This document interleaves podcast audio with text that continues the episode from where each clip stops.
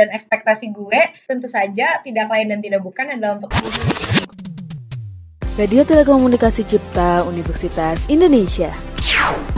107.9 FM gives you music, information, and entertainment. Radio mahasiswa itu The most sophisticated radio in town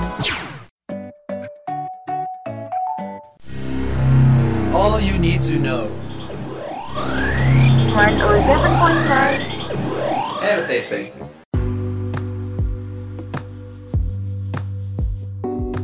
Hai Gendra, kembali lagi di Teras Cerita. Kali ini kita udah masuk ke episode ketiga nih. Uh, di sini gue Jama Hesa bakal ditemenin sama. dari Vanili. Nah jadi kita berdua nih hari ini mau nemenin lo sambil ngomong-ngomongin seputar kehidupan kita di kampus ini nih. Keren. Kehidupan di kampus tapi sekarang kita nggak lagi di kampus ya. Iya kita lagi rebahan doang di Di rumah. kampus masing-masing. Di kampus masing-masing. Oke. Sekarang kita mau ngomongin apa nih, Ja? Ini kali ya sesuatu yang anak SMA tuh sering bayangin yang mereka harapin gitu kayak ekspektasinya apa gitu dan kehidupan nyatanya atau realitanya yang ada di kampus kayak gimana. Wah, ini berarti agak panjang ya nanti obrolannya ya. Karena ekspektasi ekspektasi anak SMA kan banyak banget nih. Banyak banget. Sedangkan kejadian di kuliah juga banyak kebetulan. yang nggak nggak masuk ekspektasi juga banyak Iya benar. Oh iya dan Iya. kita nih yang menarik karena kita itu angkatannya kan lumayan jauh nih. Lo baru masuk iya dan gue gue maba gue baru masuk tahun kemarin gue 19 dan gue ya gue ya pokoknya gue udah kuliah gitu. pokoknya karirnya keren banget Ya, makasih. Kalau yang pertama kali kita bahas nih, lo dulu salah satu ekspektasi lo pas masih SMA itu apa tentang kuliah? yang gue inget banget sih masuknya nggak tiap hari sih Hmm. gue gue mikirnya duh kuliah enak nih masuknya nggak tiap hari pasti ada libur-liburnya jadwal suka-suka Iya. padahal mah Padahal gimana nih cerita Ya. coba-coba? kalau di gue sih ini gue kan FE ya Mm-mm. di sini kan emang emang emang regul tuh bebas maksudnya jadwal tuh lu yang nentuin bebas dan lain sebagainya tapi sekalinya ada hari kosong pasti itu bakal ada aja kegiatan yang kayak asistensi lah Hmm. atau tugas lu yang numpuk atau kegiatan-kegiatan organisasi ya walaupun walaupun misalnya kan lu nggak organisasi atau panitia pasti ada aja kegiatan yang mengharuskan lu ke kampus apa pun itu Dan satu semester itu, eh semester satu itu tuh masih ada ospek nggak sih kalau kalian kayak masih ospek himpunan gitu? fakultas satu bulan terus aspek dari himpunannya sendiri itu kurang lebih dua Hmm. minggu satu dua minggu gue lupa pastinya. Oh, cepet banget, jujur. Iya sebentar. Dibanding sama fakultas kayak teknik yang hampir satu tahun. kalau nggak salah Iya, apalagi di heeh. TM gitu kan bener bener bener. Wah itu cepet banget sih. kalau lu gimana Kalau gue ekspektasi kalau misalnya ngomongin tentang jadwal, jujur ekspektasi gue nggak banyak sama fakultas gue. Masalah jadwal kosong gitu kan. Soalnya fakultas gue juga kebetulan agak padat. Dan itu tuh jadwalnya juga dari jam 8 sampai paling jam 3 gitu. Terus habis itu tiap minggu juga ada apa namanya? praktek atau Enggak, apa ospek ospek tiap minggu tuh juga pas zaman zaman maba itu kan masih ada ospek dan ospeknya itu satu semester. oh panjang ya Ini kalau anak kader ngedengerin gue semoga nggak salah ya, gue udah lupa soalnya. Tapi kayak seingat gue sih satu semester gitu. Jadi memang berat dan dari awal juga gue tahu itu akan berat gitu. Cuma kayak gue nggak seneng aja. Iya. Gue nggak seneng ekspektasi gue tercapai gitu sama intinya. ekspektasi yang nggak suka gitu ya ekspektasi buruk ekspektasi buruk Iya benar. Masih jelek tuh kayak gini. Nah kalau misalnya gue dulu juga nih, kalau ekspektasi gue sebagai anak SMA dulu tuh adalah kalau kuliah itu gue akan bisa pakai baju semau gue dan bisa mengatur penampilan sesuka gue sendiri Hmm. gitu. Jadi kayak begitu gue mix and match gitu ya Bener, jadi begitu gue kuliah itu kayak free real estate gue bebas pakai baju apa aja, rambut gue kayak gimana gitu kayak nggak ada yang ngatur gitu. biasanya cewek-cewek kayak gitu kan ya pokoknya asik lah pokoknya kuliah di otak gue asik banget sih pasti itu gue juga kalau gue sendiri mungkin kalau bajunya bebas gue harus mikirin baju gue kalau tiap hari sama. Kayak kelihatan gembel gue nggak boleh nih kayak gini. Nggak boleh gitu. Dan gue pikirin itu terus malah bukan bukannya senang tapi malah mikirin jadi ke arah lebih ke pusingnya gitu. Iya iya. Tapi emang repot gak sih? Kalau soalnya temen-temen gue itu yang bajunya memang berganti-ganti itu tuh kayak kadang tuh beneran kan mereka nggak bisa bawa semua baju gitu kan kalau misalnya ke kos-kosan. Jadi kayak milihin jadi eh, minggu ini mau bawa baju ini ini ini ini. Nanti minggu depan kan pulang tuh balik. Terus minggu depannya lagi bawa ini ini ini gitu. Jadi strateginya tuh koreografinya memang ada gitu ya. Kalau mau mix and match baju pas kuliah gitu. Biar nggak tiap bulan beli baju juga tapi biar orang juga nggak sepet juga gitu ya. Emang kuliah tuh semuanya jadi mikir. Sampai baju aja dipikirin. Mm, makanya, tapi kalau gue sendiri, karena gue dari awal sudah memutuskan Nawa itu untuk tidak mix and match, karena gue tau gue orangnya nggak bisa mix and match nih. Oh, Gue orangnya nggak pinter memadu-madankan baju kan, jadi gue udah memutuskan, maba, gue itu beli kayak 6 atau 7 gitu, baju dress hitam, udah gitu. langsung satu set seminggu. Nah, ah, jadi gue kuliah selama tiga tahun pakai bajunya hampir selalu hitam mulu. Kalau misalnya baju gue nggak hitam, itu berarti baju hitam gue belum datang dari laundry. Dan teman-teman gue pasti nanya kayak, "Ih, lo tumben kok nggak pakai baju hitam?" Iya, laundry gue belum jadi gitu. Udah jadi identik banget sama lo baju hitam gitu ya. Mm-mm. Bahkan kayak pas dulu tuh awal-awal gue beneran dikenalnya cuma kayak oh Riri yang suka pakai baju hitam itu ya kayak Oh. ya itu gue. Dari cara pakai baju tuh bisa jadi ngeliat lu mencolok ya. Padahal Mm-mm. hitam doang. Iya, padahal hitam doang, tapi gara-gara cuma hitam doang itulah jadi orang inget kayak lo nggak punya baju lain gitu, enggak. Pakai baju lain di pinggirnya. Padahal mah ya emang maunya pakai hitam aja. Iya, dan yang lucunya itu temen gue yang cowok beneran ngira baju gue tuh semuanya sama semua. Jadi Waduh. dia beneran ngira kayak lari, gue kira lo tuh beli tujuh baju bentuknya sama semua. Gue kayak, enggak bro lo nggak lihat yang ini tuh satu asimetris, yang satu tuh kayak gini kayak gue nggak tahu. Nggak ngeliat detailnya gitu. Iya bisa-bisanya gitu loh Padahal baju gue emang sengaja gue pilihin tuh beda gitu Tapi kenapa dia mikir kalau baju gue sama semua kah gitu gue sebel Kan tadi lu ngomong tuh teman-teman lu banyak. Alhamdulillah Maksudnya orang-orang pada kenal lu, banyak yang kenal lu dong. Pasti kan pasti banyak sering nongkrong nih. Lu dulu pas SMA itu kepikiran gak sih tentang nongkrong-nongkrong di pas masa kuliah itu kayak gimana? Hmm, kalau gue jujur agak pikiran sih Soalnya kan dulu gue itu SMA di daerah Mm-mm. Daerah mana tuh kalau boleh tahu? Riau jauh Pendatang jauh. teman-teman IMR kalau mendengarkan ini shout out dari kota ibu kotanya kayak ada tiga jam perjalanan intinya jauh gitu kan dari mana-mana Oh jauh ya, lumayan lumayan jauh lah ya. Ah, jadi kalau mau nongkrong tuh agak susah dan gue dulu juga gara-gara sibuk mempersiapkan untuk masuk kuliah ini jadi nggak punya banyak waktu buat nongkrong Ih gue mikirnya dulu oh minimal kalau misalnya gue kuliah di Jakarta nih gue kayak sambil menyelam Bisa minum nongkrong. air gue juga bisa nongkrong bener Iya, asik. Bener bener bener. Ya, dan ya ekspektasinya agak 50% 50% kejadian lah. Intinya gue nongkrong cuma kayak ya kadang terhalang budget dan waktu aja gitu. Oh iya, iya bener bener. Udah gitu kan tugas-tugas kita juga lumayan lah ya. Ah, ah, jadi selain tugas itu juga kayak kebetulan gaya nongkrong Jakarta kan agak mahal ya. Kopi kan 40 ribu tuh ya. Sebak-sebak gitu ya. Iya gitu kan. Mau kita mau tiap hari juga agak nggak tenang gitu hidup. Jadi ya tuh jadi ya dikurangi.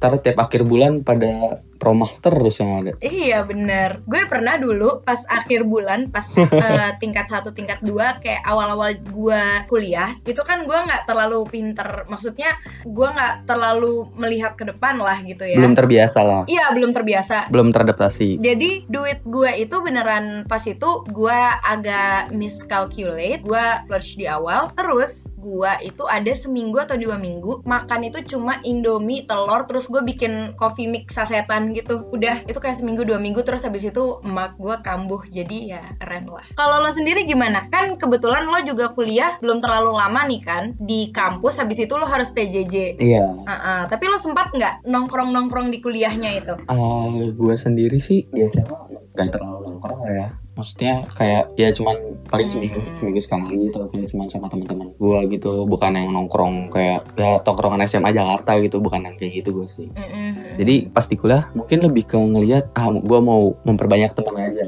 buat nongkrong gitu. Nongkrongnya itu kayak nongkrong-nongkrong belajar gitu. Hmm. Kayak ya kayak lu gitu lah. Nah tapi sama kayak lu juga nih bisa dibilang 50-50 Di mana kayak ya berjalan sih nongkrongnya berjalan tapi ya sama tugas juga berjalan gitu jadi mau nggak mau sambil belajar sambil nongkrong jadi bukan nongkrong yang main kayak anak SMA pikirin dulu gitu aja apakah gue akan open table tiap minggu? Oh, Tentu saja tidak. tidak. Gue tidak punya duit dan waktu gitu kan. Ah, tidak itu tidak mungkin gitu ya Eh, eh, kalau misalnya nongkrong cuma ya di mana sih ya yang di sekitar jalan Margonda gitulah terus Iya. bareng temen sambil nugas gitu mungkin masih Masih stabil ya. Mm-mm, bener Nah kan kita ngomongin nongkrong nih kan pasti duit lah ya, Hmm. mungkin kan. Mm-mm. Dari, Bener. dari ini kan lu kepikiran gak sih kayak di SMA tuh dulu lu mikir, lu mikir kalau ah nanti gue pas kuliah nih bisa boros bisa hedon gitu kayak bebas gitu bebas gak suka gue karena gue ya gue udah gede gitu mikirnya. Jatah gue lebih banyak. Lu pernah mikir kayak gitu gak sih? Awalnya malah kebalik. Jadi Oh. gue dulu pas awal uh, gue ngekos gue kuliah itu kan gue beneran ngerantau yang lumayan jauh gitu.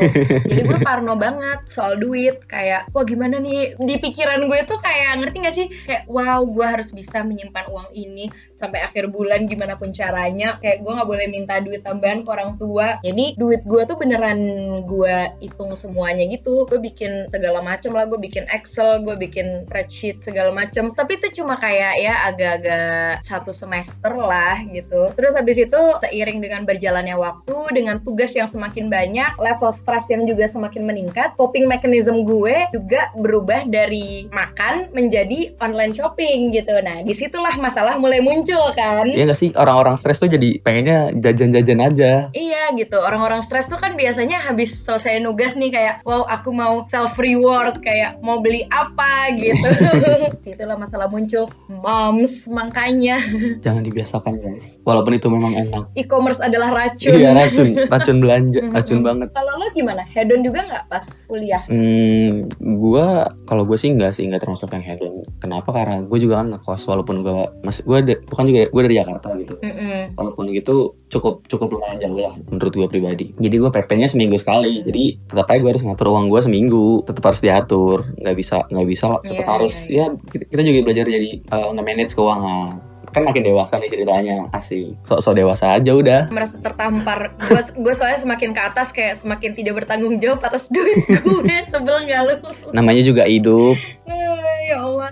Enggak sih emang gue jelek sih emang seharusnya adalah lo mengatur keuangan dengan benar gitu kan gue aja enggak nggak tapi gue belajar kok kayaknya ih.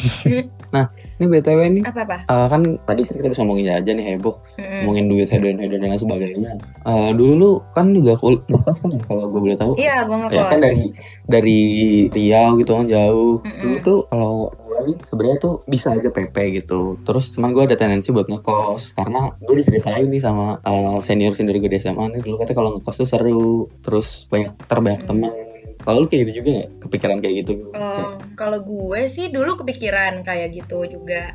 Dan pas gue ngekos juga kebetulan meskipun di situ it- gue ngekos itu eh, di tempat yang nggak terlalu banyak temen satu fakultas tapi banyak anak seangkatan. Hmm, isinya maba gitu ya? Ah, ah, iya dan kita masuknya pada pas zaman-zaman maba gitu. Terus kebetulan alhamdulillah di lantai gue itu ada beberapa orang yang kayak sama berisiknya juga sama gue gitu. Jadi kita pas awal-awal itu pas zaman-zaman ospek itu tuh beneran kayak kita ngorder makanan bareng, Solid terus gitu ya? Kita ngobrol-ngobrol, Ih, keren kita banget sampai jalan ke mall bareng gitu kayak ngide aja gitu, kenapa enggak gitu kan? wow. Kayak beneran tuh kayak apa ya yang kayak lo pikirin kalau misalnya lo mikir tentang kos-kosan gitu hmm, loh.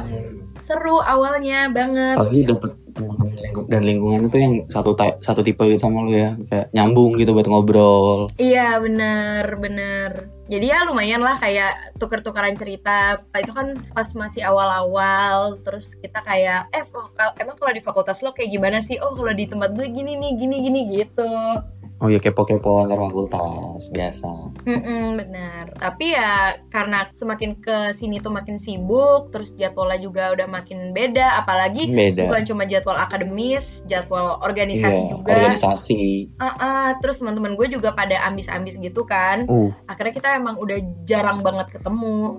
Bukan ambis di akademis sih, malah temen-temen kosan gue itu ambisnya tuh di organisasi. Jadi kalau misalnya gue ketemu tuh kayak, eh lo lagi di mana? lagi ngapain rapat lagi sekarang?" rapat lagi oh, rapat. lagi gini gini gini ah ah, beneran gitu. Terus gue kayak wow keren nih. Aktivis kampus gitu. Kayak Uh. lanjutkan. Kalau gue sendiri nih ngomong-ngomong mengenai ngekos ngekos gini kan kalau lu kan enak tuh dulu pas masuk satu angkatan Mm-mm. walaupun beda fakultas tapi tetap aja sama-sama maba kan baru masuknya. Ya ya nah kalau gue beda nih gue isinya cutting udah cutting Hmm. beda juru beda beda fakultas juga. Bukan beda jurusan lagi beda aduh fakultas susah. Itu udah susah banget sih jujur. Jadi kayak kan kan nggak mungkin ya pas ma- daftar eh pas ma- mau daftar tuh nanya pak ini anak-anak mana? Sekitarnya kan kayak gue ngapain mau masuknya sortil banget tanya-nanya begitu. Gue mikirnya gitu kan kayak ya udahlah. Menurut gue tempatnya nyaman asik ya udah masuk pas gue tinggal di kosannya gue baru sadar gue kan ngobrol nanya-nanya lah sokap-sokap lah basa-basi gitu kenal Iya. ya Allah cutting semua udah cutting beda fakultas gimana gue mau sokapnya Hmm. kayak terus juga mereka tuh udah sibuk lah ya Iya kan pasti. mungkin mereka yang ngurus yang, yang ngurusin ospek-ospek gitu kan Mm-mm. pasti kan cutting lebih sibuk lah pas awal semester gitu kayak apalagi mereka pasti berorganisasi Iya, jadi bener. Bertolak belakang banget tuh eh, ekspektasi gue bahkan nih di kosan gue tuh dulu yang gue sering ngajak ngobrol tuh malah dari univ lain Ya ada ampun, zonk dua banget. orang anak Ah, iya anak PNJ gitu demi anak PNJ. apa? Iya kan kan gue di Kutek ya, gue ya. Jadi gue ngobrol malah sering sama anak PNJ gitu dibanding sama anak UI-nya karena yang 19-nya tuh nggak ada. Astaga. Jadi gue ngobrol sama 19 PNJ. Tapi itu udah jauh banget sih maksudnya apa ya kayak pas maba itu pasti kan lo nyarinya tuh kesamaan dari ospek Iya. dari apa gitu kayak eh lo dulu eh, eh lo kemarin gini-gini nggak eh lo kemarin gini-gini nggak terus kayak kalau misalnya beda tuh udah kayak ya bisa sih kalau misalnya emang nyambung cuma eh, agak susah aja gitu nyari common groundnya Iya, beda fakultas aja kayak udah beda gitu karena tapi kalau teman-teman gue yang teman-teman fakultas gue nih Hmm. yang gue dengar yang misalnya mereka ngekosnya tuh udahlah di tempat yang sepi sama satu fakultas gitu-gitu itu biasanya lebih banyaknya nginep di tempat temen sih lo gitu juga nggak? gue bukan orang tipe, tipe orang yang nyaman di tempat orang gitu. Jadi kayak gue lebih nyaman di tempat sendiri. Hmm.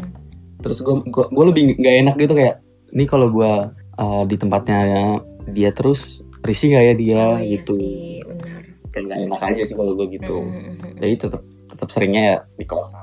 Ya gue cenayang-cenayang kalau yang seperti ini paling ntar lu juga pindah. I, ini ini sekarang Ya lagi sih. pindah kan? Kayak susah juga kalau lo nugas. Ini sekarang pindah kan? Udah, lu pindah. Kan di rumah sekarang. Gue matiin teleponnya selesai nih podcastnya. Lu jangan ngadi-ngadi lo ya.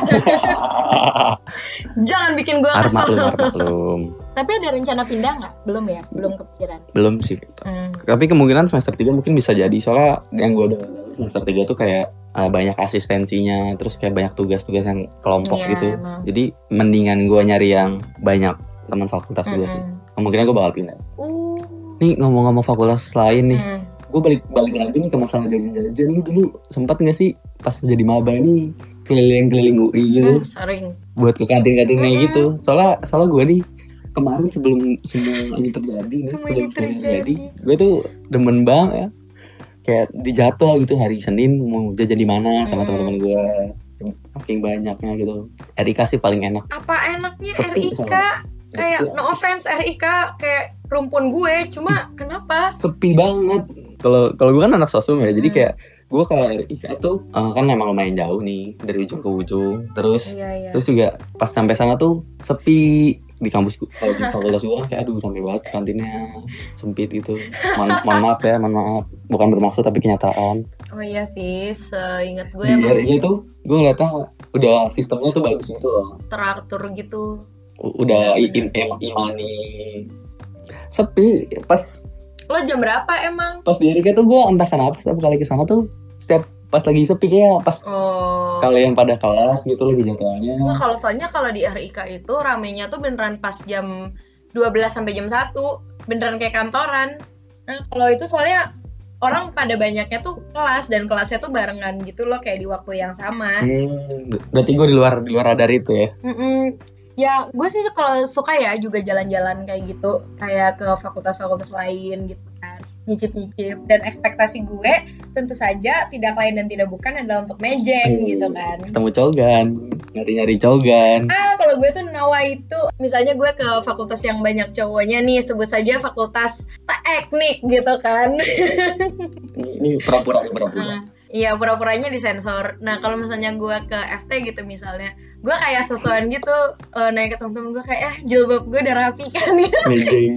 Padahal juga apa sih? Padahal yang ngelihat juga nggak ada siapa gitu. keren keren gue juga gitu sih kadang pas kelas gue di kantin pasti ada aja kan orang-orang luar yang Hmm. datang gitu kelihatan kelihatan banget entah entah dari cara berpakaiannya benar, entah dari perawakannya tapi kayak setiap fakultas tuh punya ciri khas gitu gak sih? Kayak ada aja gitu kayak kita bisa sadar kalau itu bukan teman kita gitu bukan anak kelihatan aja dari dari akhlaknya gitu kan. Misalnya oh ini orang-orangnya kayak celingak-celinguk aja nih atau kayak gimana gitu. Oh pasti bukan itulah. Maksudnya kayak ya maba juga at least by that point udah tahu gitu kan layout Iya. kantinnya sendiri. Kalau misalnya dia celingak-celinguk at that point oh berarti ya tapi ekspektasi gue yang celingak-celinguk itu kayaknya berhentinya sampai ekspektasi doang sih. Kayak realitanya ya ya udah gitu. Seperti yang kalian semua bisa lihat. Apa ya nggak ada. Gue nggak ketemu siapa siapa ah. Ayo guys ada yang mau nggak nih cakep bukan cakep. Aduh ya Allah aku oprek guys. Nggak bercanda anyways. Gue itu dulu pas zaman zaman maba banget kayak semester satu lah gitu mindset gue adalah kalau misalnya kegiatan itu terdengar menarik dan gue nggak pernah melihat itu sebelumnya di hidup gue, gue akan lakukan. Lo tau nggak dulu gue daftar UKM apa semester 1? apa tuh? Wushu! uh. Lo pikir? Main pedang. Belajar bela dirinya pakai senjata gitu ya gue beneran bahkan tuh kayak gue ngelihatnya di UKM display kan. Terus gue pikir, hmm keren nih kayaknya kalau misalnya gue ikut wushu. Terus gue pergilah ke stand wushu itu kan, gue daftar di situ. Terus seminggu itu, seminggu dua minggu udah eh, gue lihat di gue join grupnya, terus gue dikasih tahu jadwal latihan, terus latihan di mana. Nah, peraturan peraturannya kayak, iya kayaknya gue bukan di sini sempat kayak A gue nggak sempat B kayaknya pusgiwa kejauhan gitu. Gue mikirnya Hmm. kayak pusgiwa di mana? Aduh males. Ah gue ke sana sendiri. Akhirnya udah kayak dadah. Iya kayak dah. Sepertinya saya tidak cocok. Ah, ah, bener. Dan dulu tuh apa ya pas UKM display tuh beneran kan banyak banget UKM yang lo lihat. Keren-keren sih. Iya dan itu semua keren-keren. Gue iya gue sebagai maba nih ngelihatnya tuh kayak wow wow banget sih. Dan semuanya kan pasti dalam rangka itu pasti di ngiklan gitu kan. Jadi kayak iya Hmm. di di sini lo bisa bisa gini bisa gitu. Seiring berjalannya waktu kok. Apalagi dulu kan masih banyak kegiatan ospek masih banyak tugas-tugas. Dan gue masih belum bisa ngatur waktu. Terus gue masih eh, gue jadi mikir kayak hmm keren mungkin memang bukan Masih jalan gue belum untuk kepikiran. jadi aktivis kampus gitu kan Em, jadi akademis aja lah ya kita Mm-mm. Kayak akademis gue aja rada-rada ke laut aja gitu kan. Apalagi kalau misalnya gue ditambah dengan UKM-UKM indie gitu seperti kayak tiba-tiba gue iseng aja ikut berkuda atau uh ballroom dancing kan agak nggak masuk akal aja gitu kalau gue ya gitu sih jadi kayak jadi ekspektasi gue itu dikalahkan sama realita dan kemampuan gue sendiri yang akhirnya gue juga sadar gitu kalau lo gimana? kalau gue sama sebenarnya kayak lu Mm-mm. ada ada kemauan di mana ngelihatnya tuh yang gak pernah gue lihat Mm-mm. sebelumnya di, di SMA. Nah kalau gue tuh eh, di SMA kan nggak ada tuh namanya eh, ekskul radio gitu ya, Mm-mm. kayak yang ada di film-film gitu, kayak di film-film luar atau film-film remaja-remaja kayak lupus dan lain sebagainya gitu kan. Kan ngeliatnya kayak wow keren lu bisa ngomong dan semua orang tuh ngedengerin lu gitu kayak keren aja gitu kan. Nah akhirnya gue di sini di RTC UI Keren. asik. Tepuk tangan, tepuk tangan, tepuk tangan. Ya gue yakin Gen Muda yang Promosi promosi. Tapi kalau gue sih mungkin ada ada saran ya Mm-mm. sama nanti para maba nih.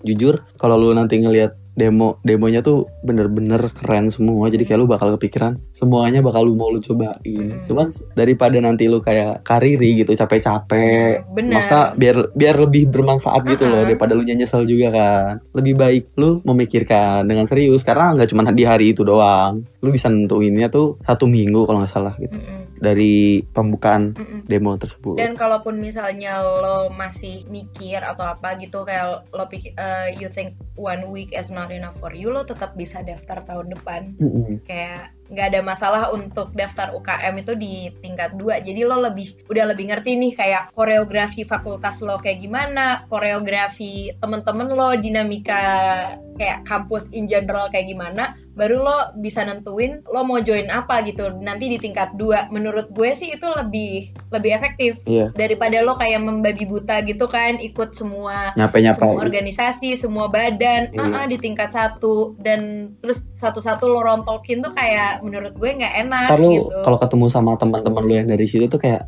nggak enak aja pasti kan pas ketemunya Oh ya, semoga nih nggak ada yang dengerin ya. Kayak gue di salah satu organisasi fakultas gue tuh kalau sekarang ketemu itu kadang gue masih suka rada kayak ya Allah semoga kakaknya nggak lihat, semoga kakaknya nggak lihat. Eh kak, apa kabar? Ya aku mau keluar gitu kayak nggak enak. ah, itu tuh semoga nggak ada yang dengerin. Jadi ya mending jangan ikut-ikut temen gitulah ya ya mungkin. percaya sama diri lu dan kemampuan lu Ah-ah. tapi kalau ada teman juga seru Nggak ada salahnya lo untuk bereksperimen. ya betul Cuma jangan membabi buta Jangan aja barbar. kayak ikutin nafsu lo daftar 4 UKM sekaligus kayak orang gila gitu. Ya jangan. meninggal itu meninggal meninggal Makanya udah kuliah udah capek ditanggung UKM kayak hidup lo udah berat. mikirin UKM satu aja Jangan udah pusing Iya bener. RTC udah pusing.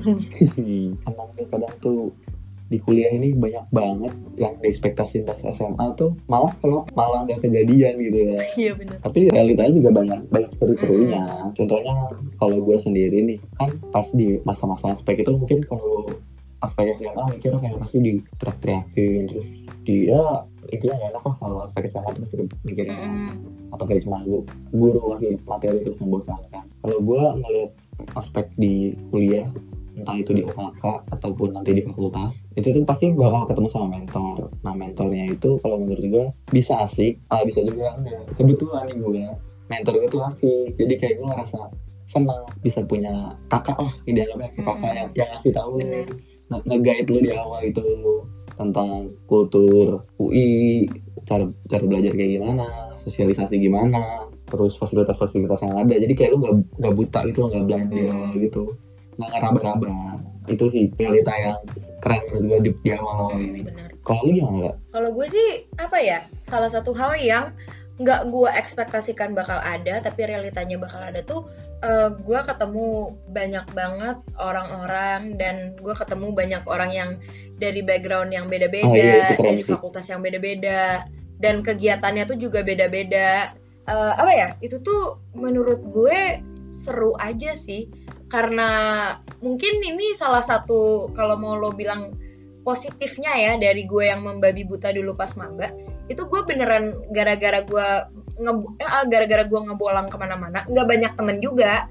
Gara-gara gue ngebolang ke mana-mana gue bisa ngelihat oh ternyata tuh ada ya orang yang kayak gini ada ya orang yang kayak gini. Jadi lumayan nambah pengalaman gitu sih. Iya lumayan nambah wawasan juga. Terus apa ya ekspektasi eh realita yang banyak sih sebenarnya.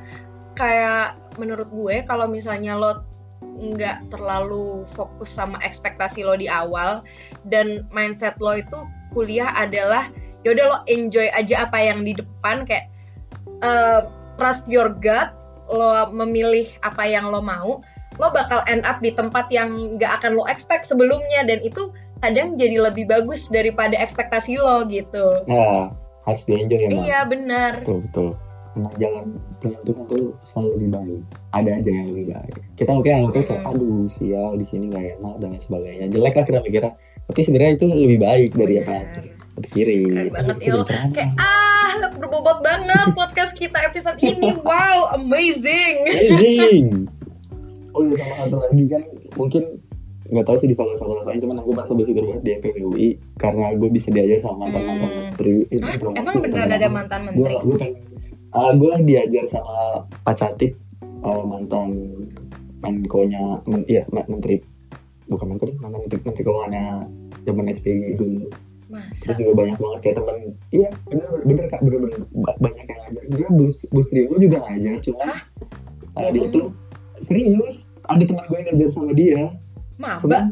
dia tuh kayak di di misalkan delapan pertemuan ini kayak cuma satu atau dua doang sih dengan SP terus juga online bentuknya dia sebelum ada kuliah online dia udah dia udah kuliah online duluan gitu Wow. dia udah pinjam pers duluan buat ngajarin Dia ngajar apa cuy? Ah, Ya gua tau ekonomi, Iya, tapi kayak ngajar apa? Pengantar ekonomi, pengantar ekonomi mikro, makro gitu. Buat maba kan itu. Keren ya. Terus buat siapa lagi ya banyak keren keren. Semua di UI itu sebenarnya keren keren banget tuh di luar. Mungkin di fakultas-fakultas lain juga pasti ada aja gitu. Iya sih sebenarnya di Sebenarnya Sebenarnya- selain selain mantan menteri juga pasti ada aja dosen-dosen tuh yang hobi favorit gue adalah kalau misalnya ada lecture nih kan ada tuh kayak oh kita dia eh, lecture ini sama dokter ini ini ini lo google namanya lo lihat dia udah punya berapa publikasi gue suka ngitungin jadi speaker di conference mana gitu kayak wow keren banget ya udah abis itu gue buka BuzzFeed sih jadi kayak intinya sama aja ya, salut aja gitu sama orang-orang yang bisa lo temuin di sini gitu Oke deh Gen Muda, sampai sini dulu ya. Podcast kita udah selesai sampai sini. Karena kan tadi kita udah bahas banyak banget tuh ekspektasi sama realita yang bakal kita temuin nanti di kampus. Makasih buat Gen Muda yang udah dengerin sampai ujung sini. Makasih juga buat produser kita Akila. Di sini gue Eja dan Riri pamit undur diri. Love you all, take care and bye bye.